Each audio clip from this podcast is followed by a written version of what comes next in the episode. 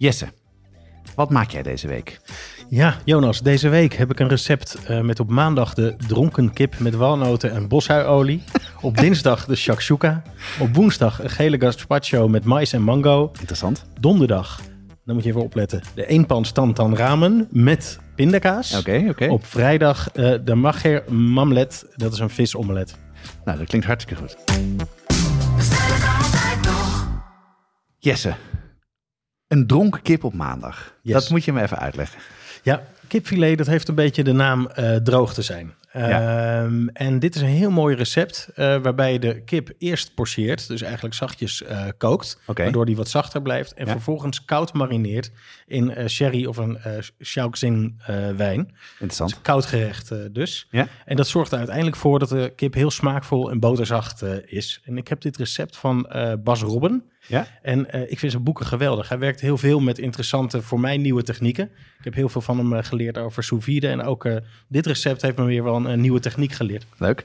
Hoe maak je het dan? Want het klinkt super interessant. Ja, je begint dus eigenlijk met die kip uh, te porceren in water. Wat gember en wat sterrenijs. Dus je voegt ook al meteen smaakmakers toe. En dan laat je hem nog even nagaren in het water. Maar je zorgt ervoor dat hij niet doorkookt. Nou ja, dus dan blijft het wel, wel de, de kip wordt dan daardoor wel gaar. Precies, ja, ja, zeker. En dan uh, laat je hem dus een nachtje staan in het kookvocht met wat sherry en uh, Shaoxin uh, wijn. Okay. En als je hem gaat bereiden, um, dan ga je een, uh, een bosuiolie maken. Dus je laat eigenlijk die olie warm worden, ja. niet koken. En die bosui er een tijdje laten staan, zodat hij die smaken opneemt. En dan later combineer je die kip in plakjes, koud dus, uit de marinade... met geroosterde walnoten, wat sla, shisoblad staat in het recept... als je eraan kan komen. Ja. En dan maak je hem eigenlijk helemaal uh, af.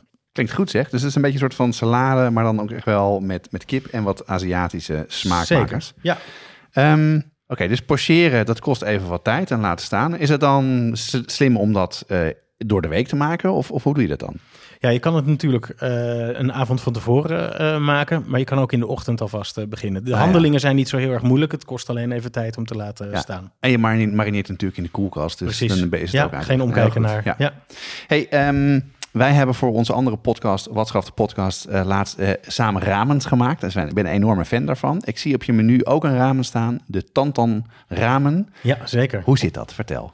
Ja, de uh, Tantan ramen, of de Tantan men, is een Japanse variant op de Chinese dandan noedels. Um, en origineel maak je dan een dandan met sojamelk en sesam. En hier is die dan met pindakaas gemaakt. Okay, en dus dat, heb, dat heb je waarschijnlijk wel in huis. Dus dat, dat maakt het ook makkelijker. Ja. Ja. ja.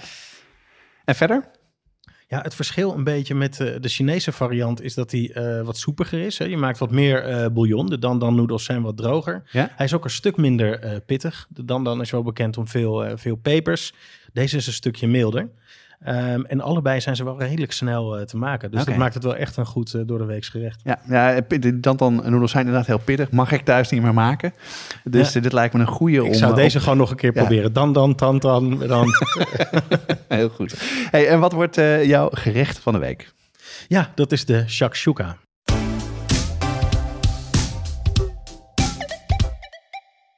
Op onze site hebben we ruim 400 recepten staan, maar voor meer dan 200 ingrediënten moet je toch echt even naar een speciaalzaak gaan of een toko. Ja, en vanaf nu kan je die dingen online vinden bij onze partner pimenton.be. Dat is de webshop voor foodies en hobbycooks. We hebben inmiddels al onze recepten gekoppeld aan een webshop. Bestellen gaat dus heel makkelijk. Het is alleen klikken op een link in de ingrediëntenlijst. Ja, en Pimenton zit in België, maar bezorgt in de hele Benelux voor 3,95. Ga naar pimenton.be om te bestellen. Ja, shakshuka, interessant hoor. Want dat is echt iets wat, we, wat heel populair is. Zeker. Wat ja. we volgens mij helemaal nog niet behandeld hebben. Nee, ik had het niet. Uh, en het is ook echt wel, ik, uh, ik associeer het echt heel erg met ontbijt. Maar goed, daar ga je me alles over vertellen. Wat is het? Ja, het viel mij ook heel erg op dat hij niet uh, eerder behandeld is, volgens mij, in de, in de lijst. Dus ik dacht, laten we die eens meenemen. Ik was op zoek naar een vegetarisch recept. En ja. Um, ja, dit is een heel mooi vegetarisch recept uit het Midden-Oosten. De oorsprong is wat onduidelijk, dus daar ga ik ook weinig over zeggen. Uh, maar je vindt het in heel veel gebieden. Je vindt het in Egypte, Syrië, Ja? Ba- Balkan, Noord-Afrika. Eigenlijk komt het overal wel, uh, wel weer terug. Ja, maf hè. Ik, ik, maak het ook niet zo vaak, terwijl ik het wel heel lekker vind. Dit is toch gewoon uh, met gekookte eieren en tomaten? Ja, het, het, thema is een beetje porcheren deze week. Want Oh ja. je kookt deze niet. Eh, Je kookt eh, de eieren eigenlijk heel zachtjes in die saus van tomaten. Ja, Wat ja. chilipepers moet je ook weer een beetje aanpassen naar je smaak. Paprika en ui. Dat is eigenlijk eh, de basis. En het is belangrijk dat je die eieren gaart, maar dat ze wel een beetje smeuig blijven. En met name het eigeel. Ja, dat klinkt goed. En, en waarom heb je dan eh shakshuka als weekgerecht gekozen? Ja, deze heb ik gekozen. Het is heel snel te maken. Ik ben in 15 minuten ben je klaar met de basis eh, in ieder geval. Ja. Eh, de ingrediënten zijn vrij goedkoop. Het gaat over tomaten, eieren en wat, eh, wat toppings. Dus ik kan het heel betaalbaar maken. Eh, het is vegetarisch. Dus dat is een mooie afwisseling eh, in de week als je ook vlees eet of als je helemaal vegetarisch bent.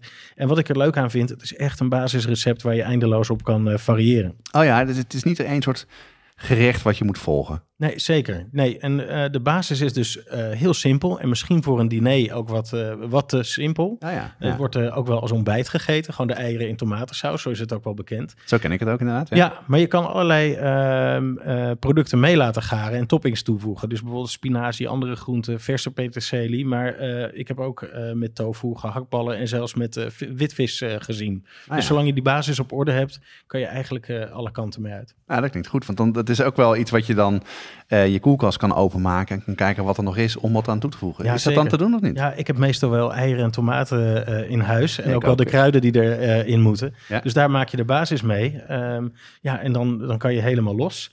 Ik heb ook nog wel een tip eigenlijk als eh, aanvulling. En dat is dat je hem op smaak maakt met een zoek. En dat is een eh, hete groene saus uit Jemen, heb ik gevonden. Wat is dat, ja? Ja, en dat is een saus met groene peper, koriander, peterselie, knoflook en olijfolie. En Oké. die combineert heel erg goed met eh, de tomaten en het eieren. Dus het aardsige met het eh, groen frisse. En die moet ook wel goed pittig zijn, daar moet je van houden. Ja. Dus die kan je Ja. er ook los eh, bij serveren. Ja, interessant. Dus het is echt wel ook gewoon prima als, eh, als avondmaaltijd te maken. Ehm, we delen altijd een recept van de gerechten die we maken. Die staat in de, in de show notes van je, van je podcast. Waar heb je het recept vandaan? Ja, ik heb nu een basisrecept van Nadja Zorawali en Marijn Tol. Eh, maar er is ook een heel goed eh Ottolenghi recept. Maar zoals Ottolenghi, dan heb je altijd net wat meer ingrediënten nodig. Eh, maar als je dat in huis hebt, dan ja, is dat een eh, interessante, wat meer uitgebreide versie. En ik zal ook het recept voor de zoek in de show notes zetten. Ja, hartstikke goed. Hey Jesse, dat klinkt hartstikke goed. Ik ga dit nu inderdaad niet meer als ontbijt of lunchgerecht maken, maar zeker ook in de avond.